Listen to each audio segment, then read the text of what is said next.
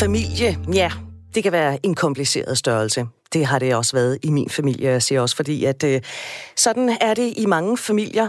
Øh, det, der skete hos mig i min familie, det var, at jeg mistede min far, da jeg var 21 år.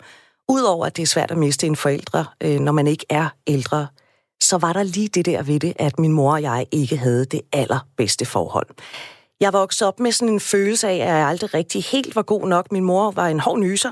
Det var hende, der stod for børneopdragelsen, der blev foretaget uden øh, specielt meget blødsødenhed.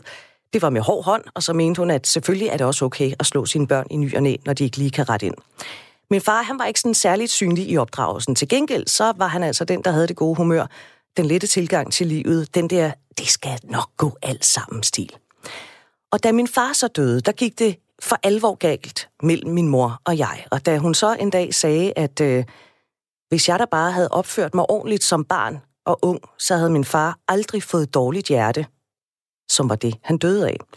Den dag, der tog jeg en beslutning, nemlig at afbryde kontakten til min mor. Det var hårdt, øh, men jeg kom frem til, at hvis hun ikke umiddelbart kunne bidrage med noget positivt i mit liv, sådan som jeg så det, og jeg altid lidt var den der hundevalg, der gerne ville plise hende, når jeg var sammen med hende, så var det nok bedst, at vi ikke havde nogen kontakt. Den blev så genoptaget nogle år efter, da jeg stod for at skulle flytte til udlandet, så havde vi så kontakt, øh, mens jeg var væk, men lige så snart jeg så kom retur på dansk grund, så gik det galt igen. Og det har så ligesom været historien de sidste mange år, de fleste af dem uden kontakt. Hun døde så for nogle år siden, og heldigvis, både for hende og mig selv, så nåede vi at mødes, inden hun gik bort. Og hvorfor sådan en mh, historie på en mandag, og så oven i købet en mandag morgen, en mandag morgen efter man måske har holdt øh, jule- og nytårsferie, og hvor det også er gråt udenfor. Jo, julen, den er overstået, og for mange af os betyder det massevis af timer i familiens skød. Men selvom julen er hjerternes fest, så går den ikke altid gnidningsfrit. Det kan være svært at leve op til det der glansbillede om den perfekte og harmoniske familie, der mødes, og man kan næsten se ildet, ildskæret sådan i kaminen, og alt er bare dejligt. Skænderier, konflikter og sårede følelser kan hurtigt blive en del af familiesamvær. Næsten hver femte af os har taget den ultimative konsekvens og brudt med et familiemedlem. Faktisk viser en undersøgelse, som Nordstat har lavet for Jyllandsposten, at 18 procent af os danskere har brudt kontakten med en bror, en søster, en forælder eller et barn. Og derfor skal vi i dag i Ring til Due med vikar tale om familieforhold. Og vikaren, det er mig. Jeg hedder Britt Berglund. Og nu vil jeg gerne spørge dig, der lytter med. Hvad betyder tætte familierelationer for dig, og hvordan opretholder du det gode, nære forhold til dine familiemedlemmer? Er der nogle tips, er der nogle tricks, som du kunne have lyst til at give videre, så ring til mig lige nu på 72 30 44 44, 72 30 44 44, eller også så kan du sende en sms, det skal du gøre til 1424. Du skal starte med at skrive R4, lave et mellemrum, og så skriver du så din besked. Og jeg vil altså gerne høre, hvad betyder tætte familierelationer for dig, og hvordan opretholder du det gode, nære forhold til dine familiemedlemmer. Tips, tricks er velkomne, alt det vi kan give videre til hinanden. Og hvis du nu er en af de 18 procent, der har brudt kontakten med et familiemedlem, et nært familiemedlem, har du lyst til at dele din historie, så må du altså også meget gerne ringe ind. 72 30 44 44, eller send en sms til øh, 1424. Husk at skrive R4 som det første, et mellemrum, og så skriver du din besked.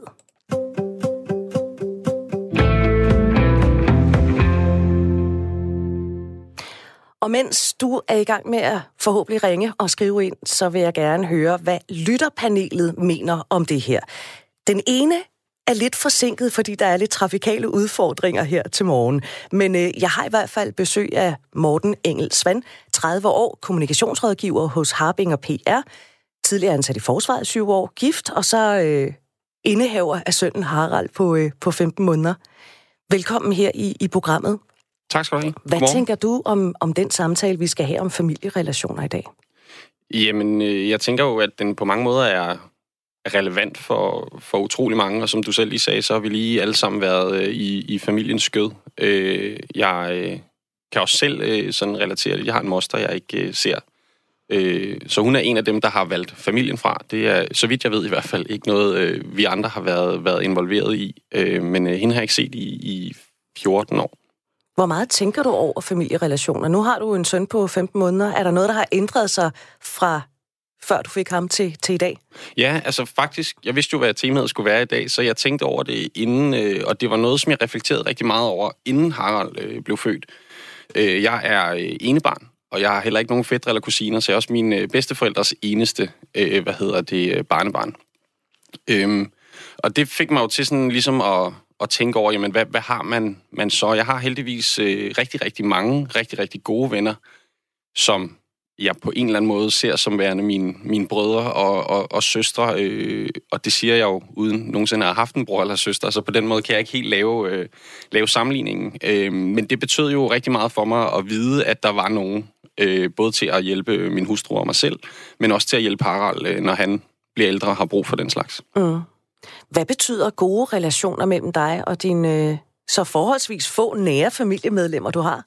Jamen, øh, det betyder meget. Øh, det er ikke noget, der sådan egentlig har været udfordret. Øh, så på den måde er det ikke noget, jeg har gået og været bange for at skulle, øh, skulle falde fra hinanden. Øh, øh, mine forældre er skilt, øh, og, og det har egentlig været mit indtryk, at det altid har fungeret meget godt mellem min mor og min far, og jeg er kommet godt ud af det. Også med deres øh, nye, øh, hvad hedder det, øh, henholdsvis øh, kærester.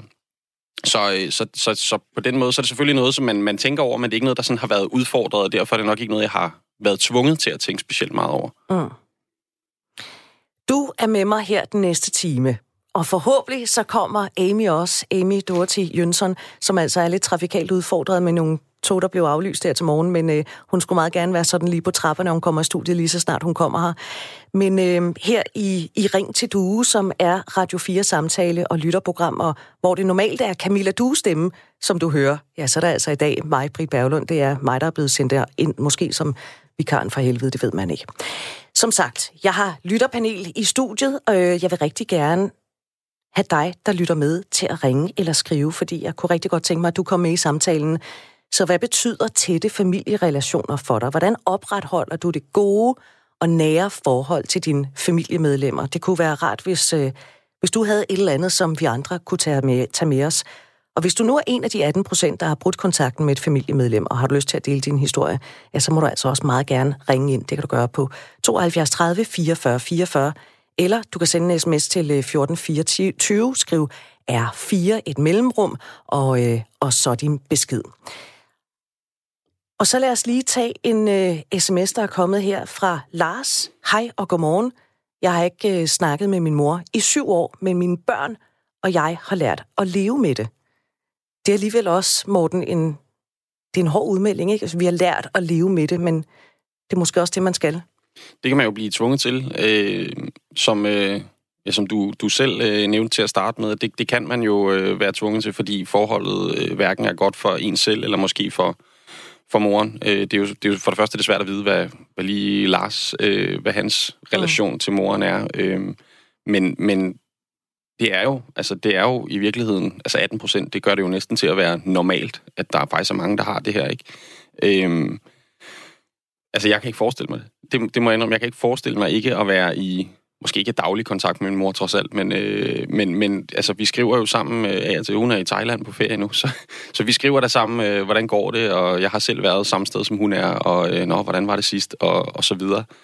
Og altså, jeg kan faktisk ikke, jeg kan ikke rigtig forestille mig, hvordan det skulle være uden, eller hvad hun skulle gøre, som skulle få mig til at sige, jeg må leve uden hende. Øh, men det øh, forstår jeg godt, at der er nogen, som kan se sig nødsaget til.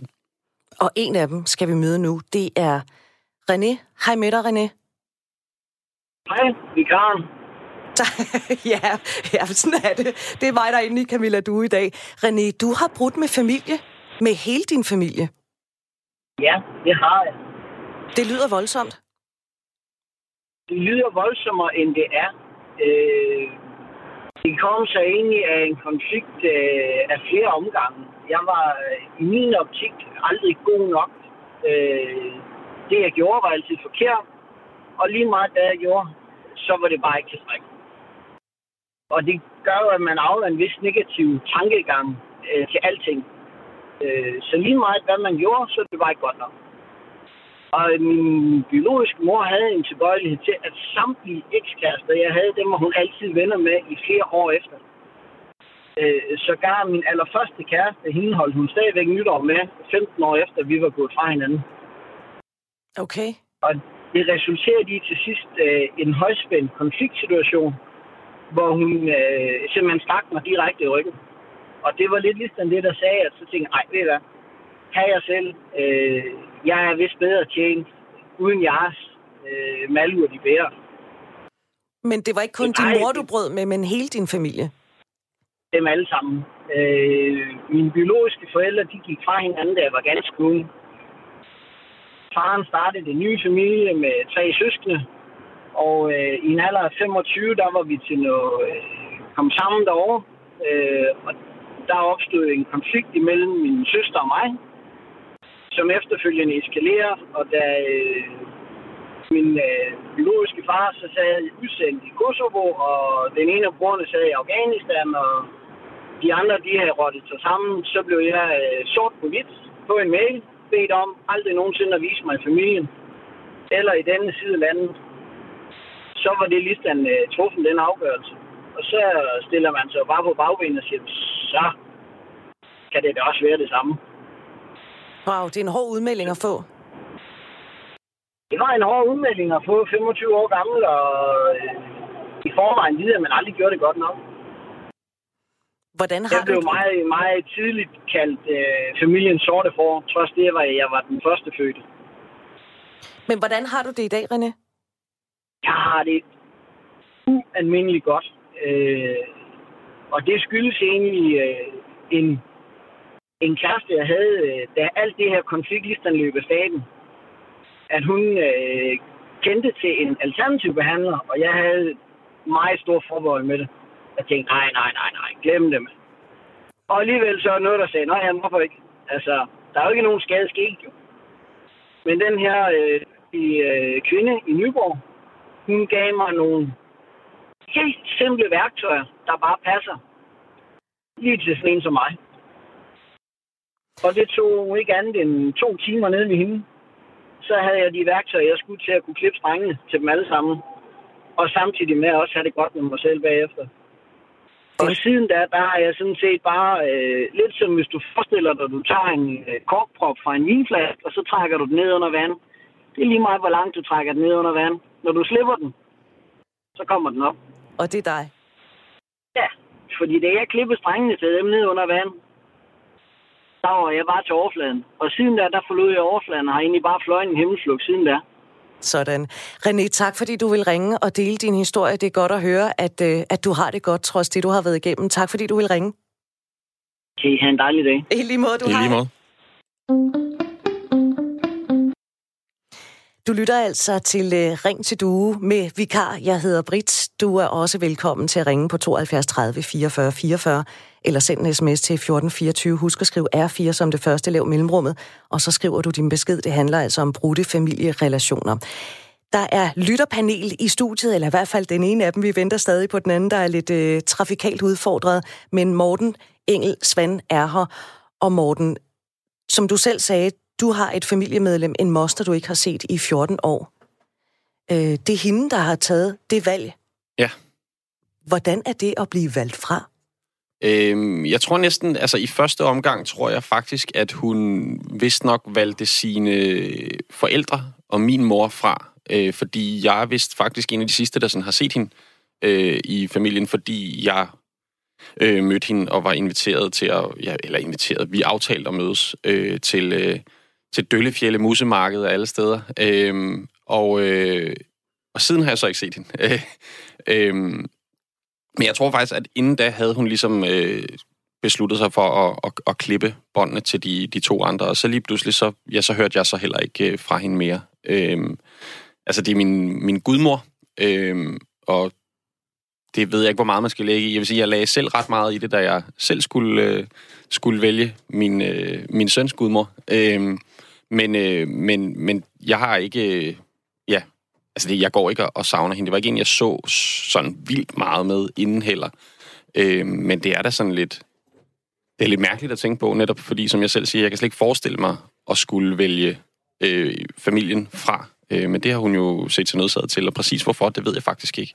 Øh, jeg ved ikke, om min, mormor og morfar eller min mor har fået en, øh, en begrundelse, men jeg har i hvert fald ikke, øh, og jeg har heller ikke hørt den fra dem.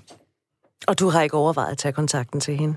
Jeg har overvejet det, øh, og jeg har måske næsten frygtet, at hun ville dukke op til øh, min øh, mormor og morfars øh, guldbryllup, de her diamantbryllup til sommer. Øh, og altså, hvis hun dukker op der, hvad, hvad, hvad gør man så? Øh, eller hvis hun dukker op til en, en bisættelse øh, på et tidspunkt, fordi ja, jeg har min, min mormor og morfar stadigvæk, men de, de bliver jo ikke ved med at, at være her. De er, er oppe i årene, har det heldigvis godt, men, øh, men der kunne hun jo også dukke op. Og, og hvad gør man så i, i sådan en situation? Fordi jeg har som sagt ikke set hende i 14 år og aldrig fået en forklaring. Øhm, så det er jo, det er jo spændende, hvad, hvordan og hvorledes det, det hele skal, skal spille af på den måde der. Sådan kan familier også være. Du lytter til Radio 4. Og øh, grunden til, at vi taler om øh, det her i dag med familierelationer, det skyldes, at Jyllandsposten forleden bragte en måling fra Nordstat, som viser, at næsten hver femte dansker har brudt med en nær familierelation. Og for at blive klogere på, hvad det kan skyldes, så har jeg nu ringet til øh, Camilla Carlsen Bæksgaard. Camilla er psykolog og forfatter til blandt andet to bøger om brud i familien, kvinden bag bloggen psykologviden.dk og til dagligt psykolog, psykolog, faglig koordinator af CSM Sydbehandlingssektion i Odense. Camilla Carlsen Bæksgaard, hvordan kan det være, at vi bryder med familiemedlemmer? Det gør vi, når relationerne føles for uoverskuelige og, og grænseoverskridende og fungerer i på, på daglig basis, og man ikke længere synes, man kan finde ud af at møde hinanden på en ordentlig måde. Er der en typisk årsag til, at nogen vælger at bryde kontakten til familie? Det er meget ofte noget, som sker efter rigtig, rigtig lang tids øh, proces, altså hvor man har forsøgt at både snakke med de familiemedlemmer, hvor, eller den eller de, hvor det har været svært, og har snakket med andre, har forsøgt at gå i terapi. Så det er meget typisk, når man simpelthen ikke kan holde ud og, øh, og ja, eller kan skabe en relation, hvor, hvor der ikke hele tiden opstår konflikter, eller man ender med at, at gå grædende derfra, fordi den anden endnu engang har sagt noget. Derudover har psykisk sygdom, alkoholmisbrug og, og andre svære ting også en, øh, en væsentlig rolle i forhold til, om det kan være nødvendigt at afbryde kontakten. Nu taler vi jo om det i dagens udgave af Ring til Due, men hvor tabubelagt er det at tale om forliste familieforhold? Jeg tænker egentlig, at det efterhånden er blevet mere og mere legalt at tale om svære familieforhold, også fordi, at der i vores samfund er en tendens til, at relationer i langt højere grad er blevet, øh, jeg vil kalde det lystbetonet, det er forkert at sige, men at man er mere undersøgende i forhold til, om den her relation faktisk giver mening og er betydningsfuld og tilfredsstillende, og at der ikke i så høj grad er en pligtorientering i forhold til, at det her det er bare sådan, det skal være, og igennem det er det også blevet mere legalt at tale om, jamen, er den her forældrerelation faktisk en, man overgår at bruge sin livsenergi på.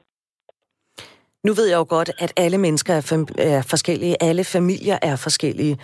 Men når man vælger at bryde med et nært familiemedlem, kan man så, og det lyder mærkeligt at spørge, men jeg kan ikke finde et andet bedre ord, men bliver man gladere af at droppe et nært familiemedlem? Nej, jeg tror, det at blive gladere er nok ikke det rigtige ord. Altså, som, som jeg sagde før, så, så er det brud typisk et, der kommer efter en, en meget lang forudgående proces. Så den, den følelse, der kan opstå, det er måske i højere grad en lettelse og en, en fornemmelse af, jamen det har været det valg, der, der var nødvendigt. Men jeg ved også fra flere, jeg har snakket med, at det jo også er noget, som man kan blive ved med at gå rundt og stille spørgsmål til sig selv omkring, at det her egentlig sådan, det skal være, eller vil det give mening at forsøge at genoptage kontakten igen. Typisk er der også mange brud, som faktisk er midlertidige, altså hvor man holder en pause på nogle år, og så genoptager det igen. Hvilke konsekvenser har det for de familiemedlemmer, der bliver, om man så må sige, droppet af andre?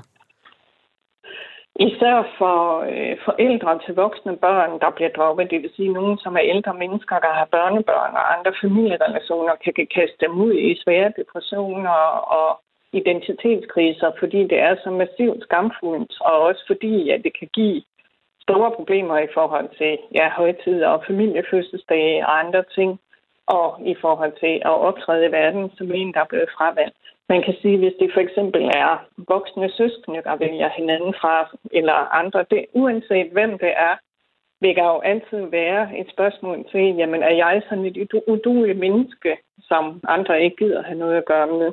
Plus at det så for alle de omkringliggende i familien kan give nogle store udfordringer med, hvem skal man vælge, og hvem skal med til fødselsdag, hvem skal med til bryllup, osv. Så, så det er ikke et valg, som gør det nemt for, for nogen på noget tidspunkt.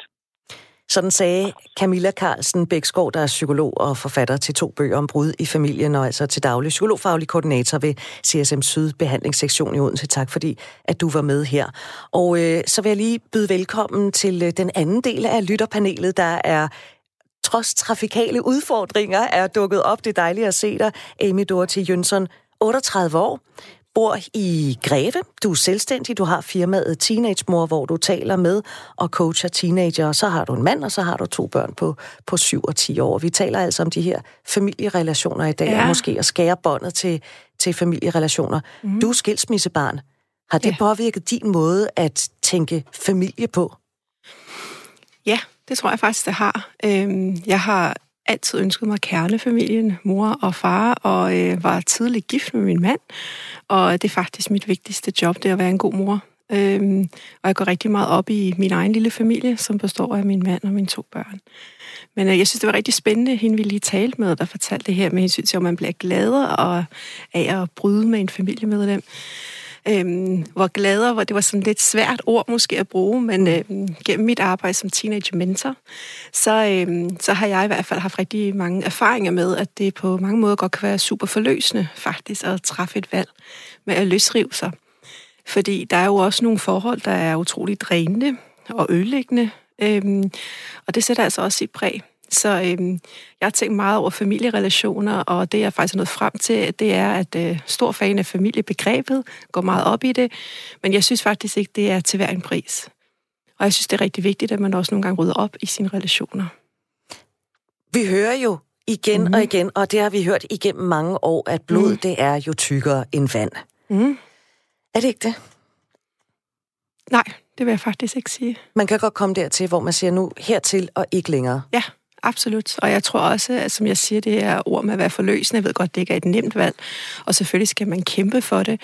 Men nogle gange så handler det ikke altid om omkring at forstå de valg, andre folk tager, men at kunne acceptere det. Og netop øh, mit arbejde med de unge mennesker, der har jeg virkelig også set, hvor meget øh, det faktisk har påvirket deres selvværd, hvis de har haft et familiemedlem, der øh, konstant har talt dem ned, eller øh, du ved, bare ikke bakket dem op, eller ikke været til stede. Øh, den der følelse af at være usynlig i sit eget familie, det, det sætter altså i den grad sin spor. Øhm, så jeg, jeg tror, det er rigtig vigtigt, at man nogle gange øh, er tro mod sig selv, og det faktisk er det, der er første prioritet.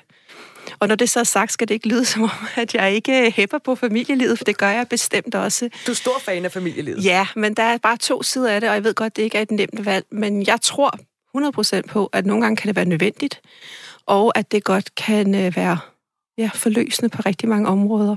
Mm. Mm. Er vi for dårlige til at være familie? Nogle er måske. og nogle holder måske netop sammen, fordi øh, blod er en vand, så man skal finde sig rigtig meget, og det skal man jo. Man har jo ikke valgt sin familie, man skal lære at leve sammen med dem. øhm, og man skal jo også øh, nogle gange gå på kompromis.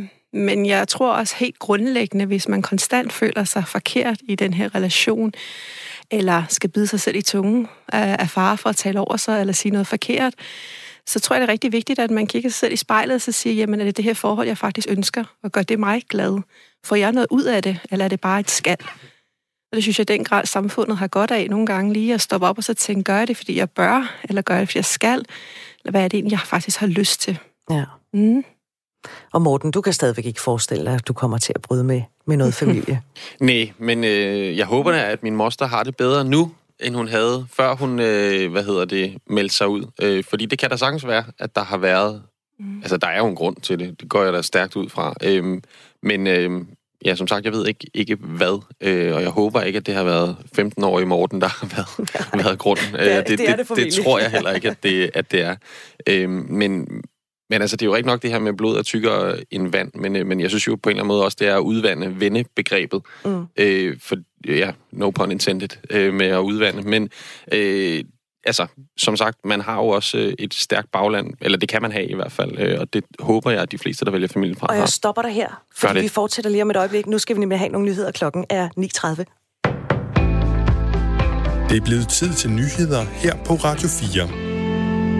USA's præsident Donald Trump truer med sanktioner, hvis landet smider amerikanske soldater ud af landet. I truer Irak, undskyld, med sanktioner, hvis landet smider amerikanske soldater ud af landet på fjendtlig vis. Det irakiske parlament har opfordret regeringen til at sende den USA-ledede koalition ud af Irak efter at den iranske militærleder Qasem Soleimani blev dræbt i et amerikansk luftangreb i Iraks hovedstad Bagdad i fredags. Men hvis Irak ikke opfylder de amerikanske betingelser for et muligt tilbagetog, så vil landet blive ramt af sanktioner som aldrig før, udtaler Donald Trump. Han opfordrer blandt andet den irakiske regering til at erstatte omkostningerne for noget af den infrastruktur, som amerikanerne har været med til at bygge i landet. Det gælder blandt andet en større militær flyplads, som har kostet milliarder af dollar at etablere. Flere kunder kan have betalt en forkert pris for at passere Storebæltsbroen. Det oplyser selskabet Sund Bælt, der driver aktiviteten på broen til Fyns Stiftstidende. Problemet ligger i, at betalingsanlægget, hvor kunder kan betale med brobis eller nummerplade, nogle gange har taget fejl af størrelsen på de passerende biler. Det fortæller Palle Nygaard, der er driftsleder for betalingsanlægget. Baggrunden for, at vi har lidt udfordringer lige nu, er jo, at vi har skiftet hele vores betalingsanlæg her i efteråret. Og nogle af de gener, der er tilbage, det er lidt børnesygdom med vores øh, prissætning, især på de helt små biler, så dem under de 3 meter. Og de bliver opkrævet en lidt for høj takst. Og hvis man har betalt for meget eller har mistanke om det, så kan man kontakte Sund og Bælt, siger Palle Nygaard. Så det er en rigtig god idé at øh, gå ind i den øh, app, som øh, man sikkert har installeret på sin telefon, hvis man øh, kører med Probis eller, eller Pay by Plate, altså betaler med sin nummerplade. Der kan man meget hurtigt efter man har kørt over, der kan man se, hvad vi har krævet op for turen. Og så kan man henvende sig til kundeservice, øh, hvis ikke man er tilfreds, eller man, man er i tvivl. Kan det være rigtigt, det her? 2019 var et ret godt år for de danske museer. Flere af dem satte nemlig besøgsrekord sidste år. Louisiana Naturhistorisk Museum Aarhus, Kongernes Jelling og Nivågård er blandt de museer, der satte publikumsrekord i 2019. Australiens premierminister Scott Morrison sætter 2 milliarder australske dollars af til at genoprette skader fra de voldsomme brænde, der har havet landet i månedsvis. Det svarer til knap 10 milliarder danske kroner, som bliver dedikeret til en genopretningsfond, det skriver nyhedsbyrået Reuters. Fødevareminister Mogens Jensen får æren af at tage det allerførste spadestik til et nyt elefantanlæg i Knuttenborg Safari Park i dag.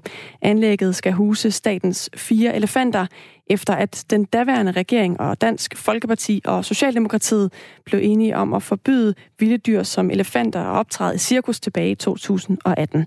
Da partierne blev enige om det, der havde Cirkus Arena tre elefanter, og Cirkus Trapez havde en, og i august sidste år, der blev de altså enige med staten om en salgspris på samlet 11 millioner kroner. Mogens Jensen siger til Ritzau, at han glæder sig til, at byggeriet af anlægget går i gang, så elefanterne får nogle gode rammer. Det er planen, at anlægget skal være Europas største og mest avancerede elefantanlæg. En vejrudsigt skal vi selvfølgelig også have her til sidst. Skyet og diset vejr med lidt regn hister her. Temperaturer, der ligger mellem 5 og 8 grader. Og en let til frisk vind, der kommer fra sydvest.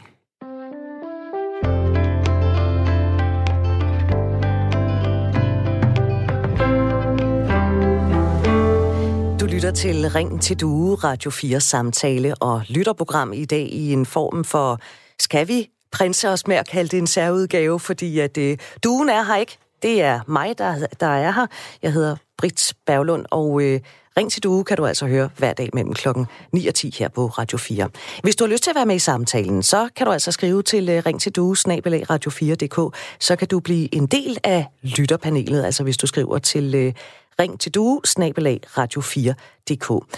I dag er lytterpanelet, det er Morten og Amy. Amy Dorothy Jønsson, der altså bor i Greve, selvstændig har firmaet Teenage Mentor, hvor du uh, taler og coacher teenager, mm-hmm. og Morten Engelsvand, 30 år, kommunikationsrådgiver, tidligere ansat i forsvaret, gift, og så har du lille Harald på 15 måneder. Og i dag der taler vi om familierelationer, fordi mange har været samlet op til jul, men det er ikke altid relationerne er helt gnidningsfrie. Faktisk så viser en undersøgelse, som Nordstat har lavet for Jyllandsposten, som kom lige før nytår, at 18 procent af os danskere har brudt kontakten med en bror, en søster, en forælder eller et barn. Og nu skal vi øh, alle sammen hilse på Mads. Hej Mads. Øh, hej. Du har over de sidste år, 10 år brudt med alt biologisk familie. Ja, det var det, jeg skrev til ja. ja. Øhm, det er gået sådan lidt i bidder, ja. Øhm, men det starter med, at øhm, jeg ikke har nogen kontakt med mine øh, søskende. Øhm, så øh, står min mor også sådan lidt af, og øh, så er jeg i løbet af julen, øh, december i år, øh, mistet kontakten med min far også. Øh, så, så det er sådan set øh, mere eller mindre alt øh, så. Så det nye, nyeste brud, det er helt friskt? Det er helt frisk, ja. Hvordan har du det med det?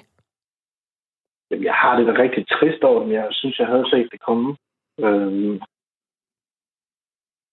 øh, altså, som jeg også skrev, altså jeg, jeg har den familie, som jeg vælger. Øhm, det, som jeg kalder min søster i dag, hun er ikke min biologiske søster, og øh, altså, jeg har ikke behov for forældre, når at jeg føler, at jeg, jeg aldrig har haft nogen, øh, nogen rigtig kontakt med dem, øh, er noget, jeg at det skulle se fint ud. Da jeg talte med øh, psykolog øh, Camilla Carlsen Bæksgaard, der sagde hun blandt andet, at det her med familie i dag, det er lidt mere kan man kalde det, lystbetonet, end det egentlig er pligt. Er det også ja, den opfattelse, du har af det, at, at du vælger din familie til? Ja, efter lyst, ja. Og så har jeg fravalgt, øh, hvad skal man sige, alt, hvad der har været pligt, fordi at øh, det har egentlig bare været glansbilleder, der aldrig har eksisteret, og det gider jeg ikke rigtig at deltage i. Mm. Så altså, jeg, jeg, jeg har fået, fået, fundet ro i at være koble dem fra. Det har selvfølgelig været en lang proces og alt muligt, men øh, det fungerer i dag. Jeg har bare ikke kontakt med dem, der er biologiske, og det, det er fint nok for mig. Altså, og det skal nok blive godt i længden? Det tror jeg bestemt, det skal. Altså, det ved jeg, jeg ved ikke, om de opsøger mig, eller hvordan, øh, hvad, hvad de har tænkt sig. Men altså, for mig tror jeg, er helt, helt bestemt. Altså, det, det, det var en hård start at skulle sige, øh, at øh, nu overvejer det simpelthen ikke mere. Men øh, det går langsomt fremad, og det er til at holde ud helt bestemt. Mads, tak fordi du vil fortælle din historie her i, øh, i Ring til Due. Det er jo Du kan også ringe, hvis du har lyst til at være med på 72 30 44 44, eller send en sms til 1424. Skriv R4, lav et mellemrum, og så din besked. Og øh, fortæl meget gerne, hvad betyder tætte familierelationer for dig? Er du meget tæt med alle i din familie, eller er der måske nogen, du ikke længere har kontakt med, så er du altså velkommen til at ringe. Og øh, det, altså, jeg kan godt mærke, at jeg synes, det gør indtryk på mig med de her historier om mm. mennesker, der bryder med sin familie, fordi jeg, jeg kan huske øh, første gang, jeg mødte, og det er faktisk ikke særlig mange år siden, jeg har, og det ved du måske ikke, fordi du var her jo ikke, Amy, mm. øh, til at starte med. Jeg har brudt med min egen mor øh, mm. gennem mange år. Øh, hun er her ikke i dag, min far er også død. Mm. Øhm, og jeg kan huske første gang, jeg mødte et menneske, der også havde brudt med et tæt familiemedlem, så sådan mm. åh, hvad? Mm. Så er vi næsten i samme familie. Mm. Altså det der med at nikke genkendende til en, der har en samme historie, fordi det kan godt være lidt tabubelagt Absolut. at tale om. Ja. Fordi hvad er der galt med dig, siden ja. dine forældre ikke kan lide dig, eller din bror, eller din søster, eller et ja. eller andet, ikke? Ja, præcis. Så de her historier, de gør indtryk på mig ja. øh, også på mig. Jeg synes, det er mega sejt, man ringer ind og fortæller den historie, han lige har gjort. Ja. Respekt for dem. Jeg tror også, det kræver, at vi i talsætter det meget mere, end det vi gør. Fordi der er jo ikke noget forkert ved det. Og igen, det handler om, at vi accepterer de valg, vi træffer. Det er jo ikke altid, vi forstår dem. Så når du fortæller, at du har brudt med dine øh, forældre, så tænker jeg, at det har du haft en god grund til, og det giver mening for dig. Så kunne jeg aldrig finde på at dømme, eller synes, du var mærkelig, eller noget som helst. Mm. Det tror jeg er rigtig, rigtig vigtigt, at vi deler de historier og, og taler højt omkring det. Og igen, det er også med, at vi ikke øh, møder fordomme, øh, fordi at alle har jo deres egen historie. Ja. Og Morten, din moster har jo så valgt at bryde med dig og resten af din mm. familie. Mm-hmm.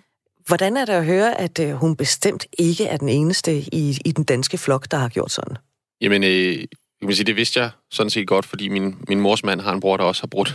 Øh, så det er godt, de har fundet hinanden, kan man sige. Øh, så så, så øh, altså, jeg ved jo godt, at der er flere af de her, og altså nu er jeg selv, som sagt, ene barn, og jeg kan jo godt huske, da jeg var, specielt da jeg var mindre, at man godt kunne have tænkt, ah, havde været fedt med en storebror eller, eller et eller andet. Øh, men bare fordi man har en bror, er jo ikke ens betydende med, at man for det første er tæt med vedkommende, eller at man overhovedet ses med vedkommende.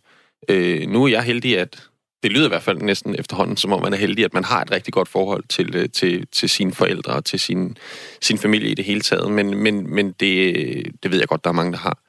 Øhm, men altså, jamen, jeg, jeg, jeg, jeg bliver ved med bare sådan at vende tilbage til, at jeg, jeg kan simpelthen ikke forestille mig det. Mm. Øh, og jeg synes, at Ja, og det er jo ikke for at, at negligere, at man, man kan have behov for det, for det forstår jeg også godt, at hvis man virkelig er i en relation, som, som kun er ødelæggende og drænende for en, så er det jo bedre at klippe de bånd.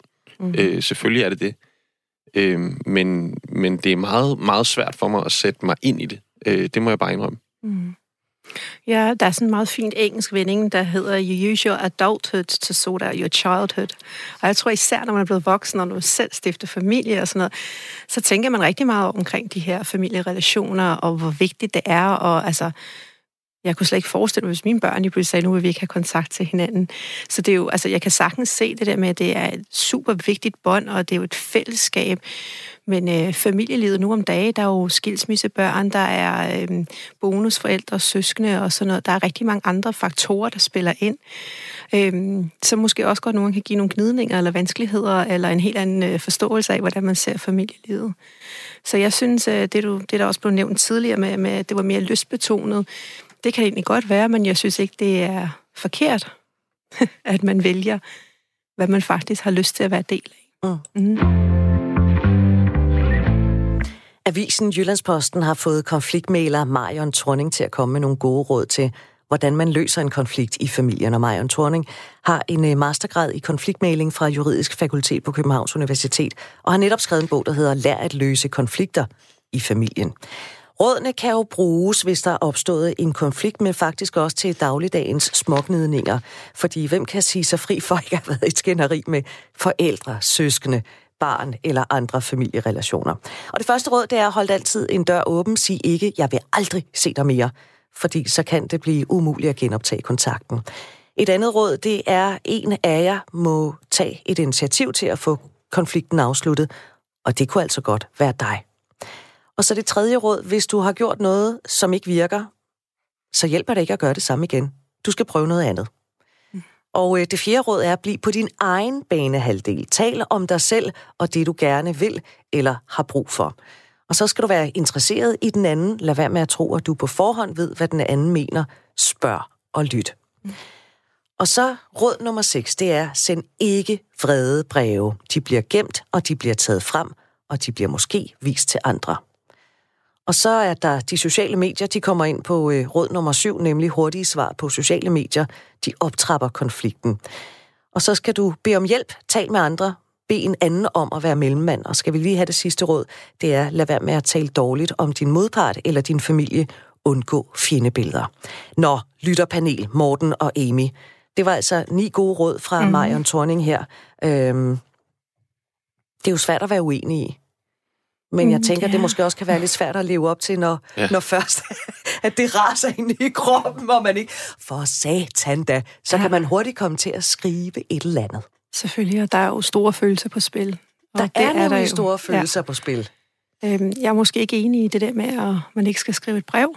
Øhm, det tænker jeg godt kan være rigtig, rigtig... Øh... Men send ikke vrede breve. Vrede brev, okay. Ja. Men det er jo også det der med, at man skriver et brev, og man har et budskab, og du ikke se, at det bliver modtaget på den måde. Så et Altså at skrive i vrede, det kan måske opfattes på mange forskellige måder. Men det der med at skrive et brev, fordi jeg synes faktisk, man kan reflektere rigtig meget over det, og man kan læse det højt, og man kan gemme det. Det kan også være, at man aldrig vælger at sende det her brev. Øhm, og det hun også siger med at sige aldrig, øh, Sig aldrig, aldrig. Synes også, det er jeg vigtigt. Jeg aldrig dig igen. Ja, og man skal heller ikke sige altid. Altid og aldrig. Det er bare sådan generelt det der kommunikations... Øh, det er ikke særlig fremmende i hvert fald. Ja. Øh, men selvfølgelig synes jeg, at man skal gå all in, og man skal prøve at løse de konflikter, der er. Og det synes jeg vidderligt. Altså, det er jo ikke... Øh, man skal ikke give op på forhånd, og man skal heller ikke være tøsfornærmet. Og jeg synes også, det er vigtigt, at man faktisk øh, netop tager initiativ til, at jeg ønsker faktisk, at vi skal finde ud af det. Men igen, nogle gange kan man jo kun stå til ansvar for, hvad man selv gør. Men hvis den anden person ikke vil imødekomme det, så, øhm, så må man jo kigge ind og så sige, kan jeg acceptere det er sådan her? Kan jeg leve med de her vilkår? Eller føler jeg virkelig, at jeg går på kompromis med rigtig mange af mine egne værdier? Eller synes jeg, det, det er værd? Det forhold, det er værd for mig? Mm. Mm. Så et tip, Morten, hvis du nogensinde skulle komme i den situation, send aldrig et vredt brev. Nej, men det kunne da godt være, at jeg skulle prøve og, øh, og sætte mig ned og tænke over at skrive, nej, ikke et bredt brev, men et brev til min, øh, til min moster. Det, øh, det er da ja. værd at overveje. Det er i hvert fald værd at overveje. Mm. Har du lyst til at øh, give dit bidrag med her i Ring til Due, som altså i dag er uden duen, men med mig, Britt, så ringer du på 72 30 44 44, eller så send en sms til 1424. Husk, at du lige skal begynde din sms med R4, og så lave et mellemrum, og så skal du så skrive din besked. Radio 4 taler med Danmark. Og med på telefon er nu Per Schulz Jørgensen, der er professor emeritus, foredragsholder og forsker i familieforhold. Og velkommen til øh, Ring til Due, Per Schulz Jørgensen. Tak skal du have. Hvilken betydning har den nære familie i dag? Jamen, den har ret stor betydning, fordi vi jo lever i en, øh, kan man sige, meget individualiseret verden, og en verden, der også stiller store krav til os. Så derfor har de fleste brug for en base en base, de kan søge tilbage til, hvor de kan komme lidt til kræfter igen og føle sig tryg osv. Så, videre. så, så familien er, er ikke på vej mod en, en opløsning eller noget i den retning. Familien har det faktisk på mange måder øh, rimelig godt. Har den betydning ændret sig over årene? Ja, det har den. Vi var øh, igennem en periode, øh, kan man sige, i 60'erne, 70'erne, måske også op i 80'erne, hvor, hvor, hvor frisættelsen slog voldsomt kraftigt igennem, og øh, familien blev opfattet som en, øh, en lænke, en fodlænke, man havde og ikke kunne befri sig for, og man skulle have frihed, man skulle vælge sine egne relationer og kærlighedsforhold osv. osv. Den frie kærlighed blomstrede på mange måder, men, men øh, jeg tror, man kan sige, at vi herhen over årtusindskiftet er, er, har fundet tilbage til en familie, som, som man også ser øh, er nødvendig i forhold til børn. Og den danske definition på en familie, det er jo to generationer, der lever under samme tag. Ja, det, det er den, men i statistikken og i EU-sammenhæng osv., så, videre, så, så er enhver husholdning er en slags familie. Så, så sådan har vi ikke talt om det i Danmark. Altså single familier øh, single-forhold har vi ikke rigtig opfattet som en familie. Vi har sagt, som du netop siger, to generations øh, forholdene, og herunder øh, især har man fokuseret på børnefamilien. Mm. Da jeg talte med, øh, med psykolog øh, Camilla Carlsen Bæksgaard lidt tidligere, der sagde hun, at øh, i dag er familie lidt mere løsbetonet, end det egentlig er pligt. Altså, hvis familien ikke rigtig kan bidrage med noget positivt, så er det nemmere at skære den fra i dag, end det måske har været tidligere. Er det noget, du kan ikke genkende til? Jamen, jeg tror, familien godt kan bidrage med noget i dag. Øh, fordi den, den, øh, vi, vi har mange fællesskaber, og vi er meget åbne, vi har mange re- sociale relationer, vi har store sociale netværk, og det har langt de fleste mennesker. Øh, men de netværk øh, kan være rimelig overfladiske. Øh, det betyder, at de er hurtige, de er effektive, de er meget nyttige, og vi har brug for at kende mange for at kunne orientere os i denne verden, og herunder skifte job og, og komme ind i nye forhold osv. osv. Men stadigvæk er familien en mere tryg base. Det, det er den, der går lidt mere i dybden med vores relationer, og det gælder jo især i forhold til børn. Sådan sagde Per Schulz Jørgensen, der altså er professor emeritus foredragsholder og øh, forsker i familieforhold. Tak fordi du var med her i, i Ring til Due. Du er altså velkommen til at sende en sms til 1424, skriv R4, og så din besked. Her i studiet, der sidder vores lytterpanel, mandagens lytterpanel. Det er Amy Dorothy øh, Jønsson, og så er det Morten Engel Svan Nu talte jeg lige her med øh, Per Schultz Jørgensen, det her med, øh, med, med familierelationer og netværk, og, mm. Og som Camilla Bæksgaard tidligere sagde med, at familien i dag måske er lidt mere løsbetonet, end det er af pligt. Er det noget, I kan ikke genkende til, Morten, må jeg lægge ud over hos dig? Øh, ja, øh, det, men jamen jo. Og nu har du jo en stærk forbindelse eller sådan, med din mor, mm. som, du, øh, som du skriver meget sammen med. Ja, nu jo, her. altså, jo, ja, alt er relativt jo. Men ja. jo, øh, det, jeg, jeg kender nogen, der skriver mere med deres møder, vil jeg sige. Men, øh, og jeg er sikker på, at min mor vil også meget gerne skrive mere. Men, øh, men, men ja, øh, og, øh, og det er jo også, fordi jeg har lyst. Det er ikke sådan, så jeg tænker, åh, nu skriver hun igen. Øh, så du svarer ikke af pligt, eller skriver af pligt? Nej, men, men hvis jeg glemmer at svare, så tror jeg, så får man måske sådan lidt dårlig, men det er sådan generelt, mm. øh, at hvis man ikke svarer, det noget af det mest irriterende, jeg kan komme i tanke om faktisk. Men øh, det, det, jo, det er jo af lyst. Øh, mm. jeg er sammen med min familie, fordi jeg har lyst til det. Øh, og hvis jeg ikke havde lyst til at holde jul med dem, og hellere vil holde jul med øh, nogle andre, ja. øh, også, jeg har faktisk engang spist sushi og, og drukket, drukket rødvin øh, juleaften i stedet for at, at holde, holde en, en klassisk jul, så gør man det jo, fordi man har lyst til, eller fordi man måske retter ikke har lyst til noget andet. Øh, og det tror jeg er ret vigtigt, at man giver, giver efter for det, øh, at hvis man har lyst til noget, øh, at man så er ærlig omkring det. Ja. Amy, mm. der bliver talt her også om netværk mm. sociale relationer, som måske kan være sådan lidt overfladiske, siger Per Schultz Jørgensen. Ja. Og derfor så har vi også brug for familien. Og øh, han sagde også, at familie kan bidrage med rigtig mange ting, og det giver ham fuldstændig ret i, og selvfølgelig kan det det. Men jeg synes også, det er vigtigt, at det er ubetinget kærlighed, man mærker fra sin familie. Og med ubetinget kærlighed, det er, at man elsker trods sin fejl. Øhm, og der har dem, jeg kender, som har brudt med familiemedlemmer, der har det ikke været ubetinget kærlighed. Der har det været kærlighed på deres præmisser. Øhm, og jeg synes faktisk, det er en rigtig fin forklaring på familielivet, det der med, at øh, det er en, hver en husstand er en familie. Fordi det er jo ikke nødvendigvis mor og far og to børn og alt muligt andet, der skal øh, være en familie. Det kan øh, mor to mødre, eller øh, enlig mor, eller øh, du ved. Øhm, og det her med at være del, altså have en base og have et fællesskab, som han også omtalte, det tror jeg også er super vigtigt. Jeg er bare ikke overbevist om, at det nødvendigvis behøver at være ens familie.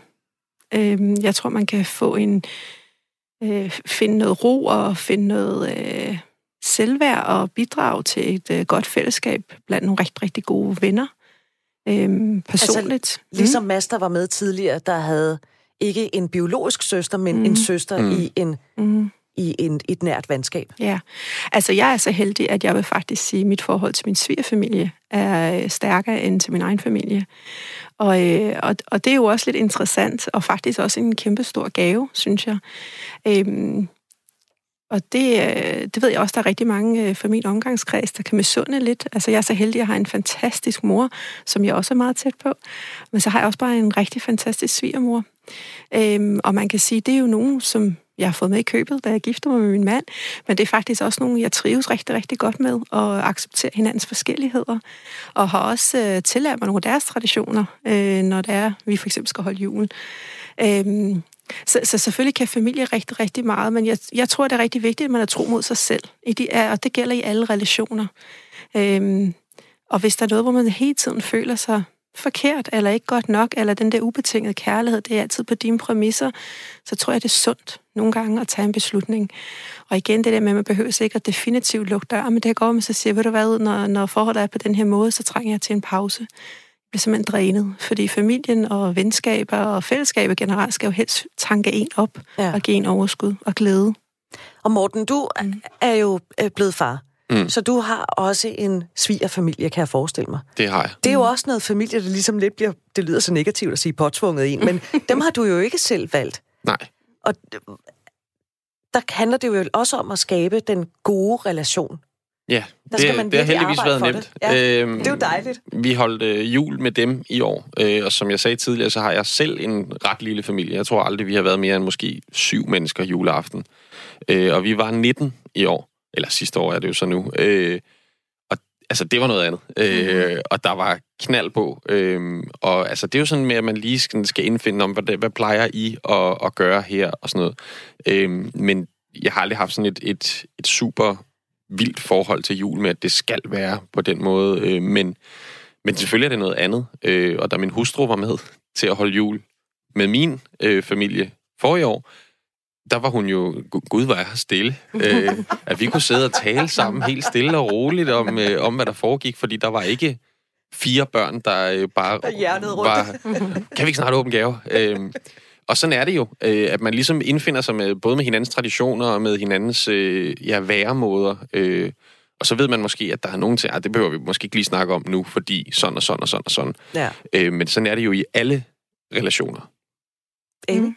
Jamen, jeg tænkte på øh, det, som Per også nævnte før, det her med hensyn til, at øh, altså, om, om der er noget, der har ændret sig i familieforholdene og sådan noget, men der er også en helt anden børneopdragelse, vi har gang i lige nu.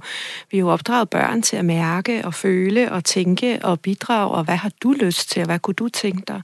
Så jeg tænker også, øh, altså... Øh, vores fremtid er jo et produkt af det, vi selv har været med til at bidrage. Øhm, så det her med, at man faktisk hele tiden gennem sin opvækst eller barndom har fået at vide, hvad, hvad kunne du tænke dig her, og hvad har du lyst til, og det er okay at sige nej, og det her må du også gerne, så, øh, så kommer det ikke helt bag på mig som voksen, men så mærker efter, så siger jeg, jeg er opvokset, jeg er opdraget til, at jeg gerne må sige, at det her er godt for mig, har jeg lyst til det her.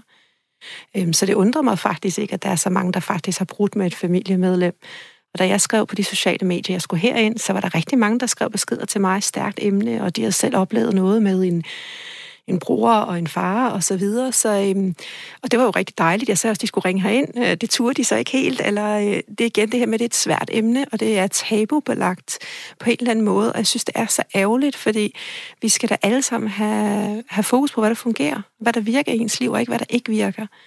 Og vi har ikke ret til at dømme andre, hvis de har truffet det her valg. Som sagt, det har man jo gjort af gode grunde. Øhm, og måske er det egentlig ikke så vigtigt.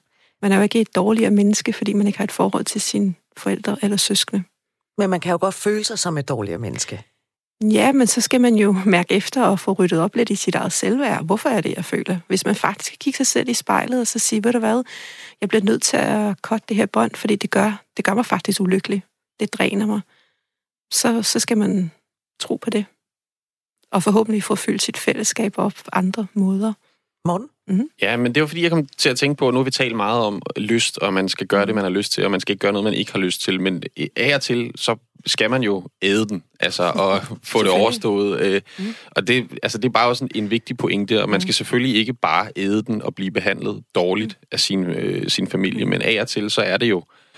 Nå ja, okay. Moster Oda, hun... Ja. Øh, okay, vi lader være med at tale om øh, klima i dag, mm. fordi Moster Oda, hun sværger til sin dieselbil. Mm. Eller hvad ved jeg. Øh, og sådan er det jo nogle ja. gange, at man skal jo heller ikke bare sige, nej, men så kan det også være lige meget. Så, øh, fordi altså, så kan vi heller ikke leve. Så kan vi, ender vi så meget ensomme lige pludselig og sidde i et ekokammer med folk, vi kun er enige i. Ja, øh, med. helt sikkert. Jeg er fuldstændig enig, og jeg synes også, jeg prøver at sige, at man skal ikke bare være tøs for nærmere, man skal heller ikke bryde med familien, bare fordi det var en kæmpe beslutning, store følelser og sådan noget. Men du siger også det med, så kan man sidde og være ensom. Jeg kender rigtig mange, der er ensomme, selvom de har, øh, har familierelationerne mm. i orden, så at sige. Jeg synes også, det var lidt spændende, det her med facade. Øhm, jeg tror også, det er derfor, det er lidt tabubelagt, fordi man vil gerne leve op til det her glansbillede og være en, en god datter eller en god bror, eller jo, hvad men det nu man, er. Og man ved jo heller ikke, hvordan man bliver set på. Altså, øh, jeg kunne da men huske, hvad kan man bruge det til? Jo, men det kan man jo bruge det til... Det påvirker en, ja, men helt ærligt. Ja. Men jeg kan da huske, altså de første gange, jeg ligesom skulle sige, om jeg har ikke kontakt til min mor, der mm. skyndte jeg men det er altså fordi, og så remsede ja. alle øh, grundene op, fordi, at ja. hey, jeg er altså ikke noget skidt menneske, eller ja. det synes jeg ikke selv, jeg er. Ja. Men fordi det jo er så forbandet tabubelagt. Men hvis du fortalte det til mig, og jeg ikke kendte dig, så vil jeg aldrig nogensinde stille spørgsmål til det. Og jeg vil, altså jeg vil lytte, hvis du har lyst til at fortælle noget. Men, men jeg, jeg synes virkelig, det også handler omkring, at man har tillid til andre mennesker. Man har truffet et valg. Det er et personligt valg. Men hvis man har truffet det valg, så skal man stå ved det. Øh, og man behøver aldrig, aldrig nogensinde at forsvare noget. Man må gerne forklare det, men ikke forsvare. Det skylder man ingen. Vi skal til at lukke ned for i dag. Den her time, den er godt nok suset afsted. Øh, lytterpanelet Morten Engelsvand. Øhm, det her er jo sådan relativt ikke et nyt emne for dig, men det er jo ikke noget, du sådan mærker på egen krop. Tager du noget med hjem fra, fra den her udsendelse? Altså, jeg tror, jeg vil, øh, om ikke andet så i hvert fald lige overveje at tale med, øh, med min moster, men det kan godt være, at jeg skal starte med at tale med min, med min mor, min mor og morfar om, hvad, altså, hvad, for det første, hvad, hvad der er sket, øh, fordi jeg, jeg ved det faktisk ikke rigtigt, og jo mere jeg tænker over det, kan det egentlig godt undre mig, at jeg ikke har spurgt mere ind til det. Øh, mm. At jeg bare har accepteret, at sådan er det. Øh, så, så det kan være, at jeg gør det. Amy mm. Dorothy Jønsson, tak fordi du også var med i, i mandagens tak. lytterpanel. Det er øh, slut med Ring til du i dag. Tak til dig, der lyttede med. Du skrev, og, og du ringede ind. Det... Og øh, i morgen der er Camilla Due tilbage. Nu er der nyheder. Klokken er 10.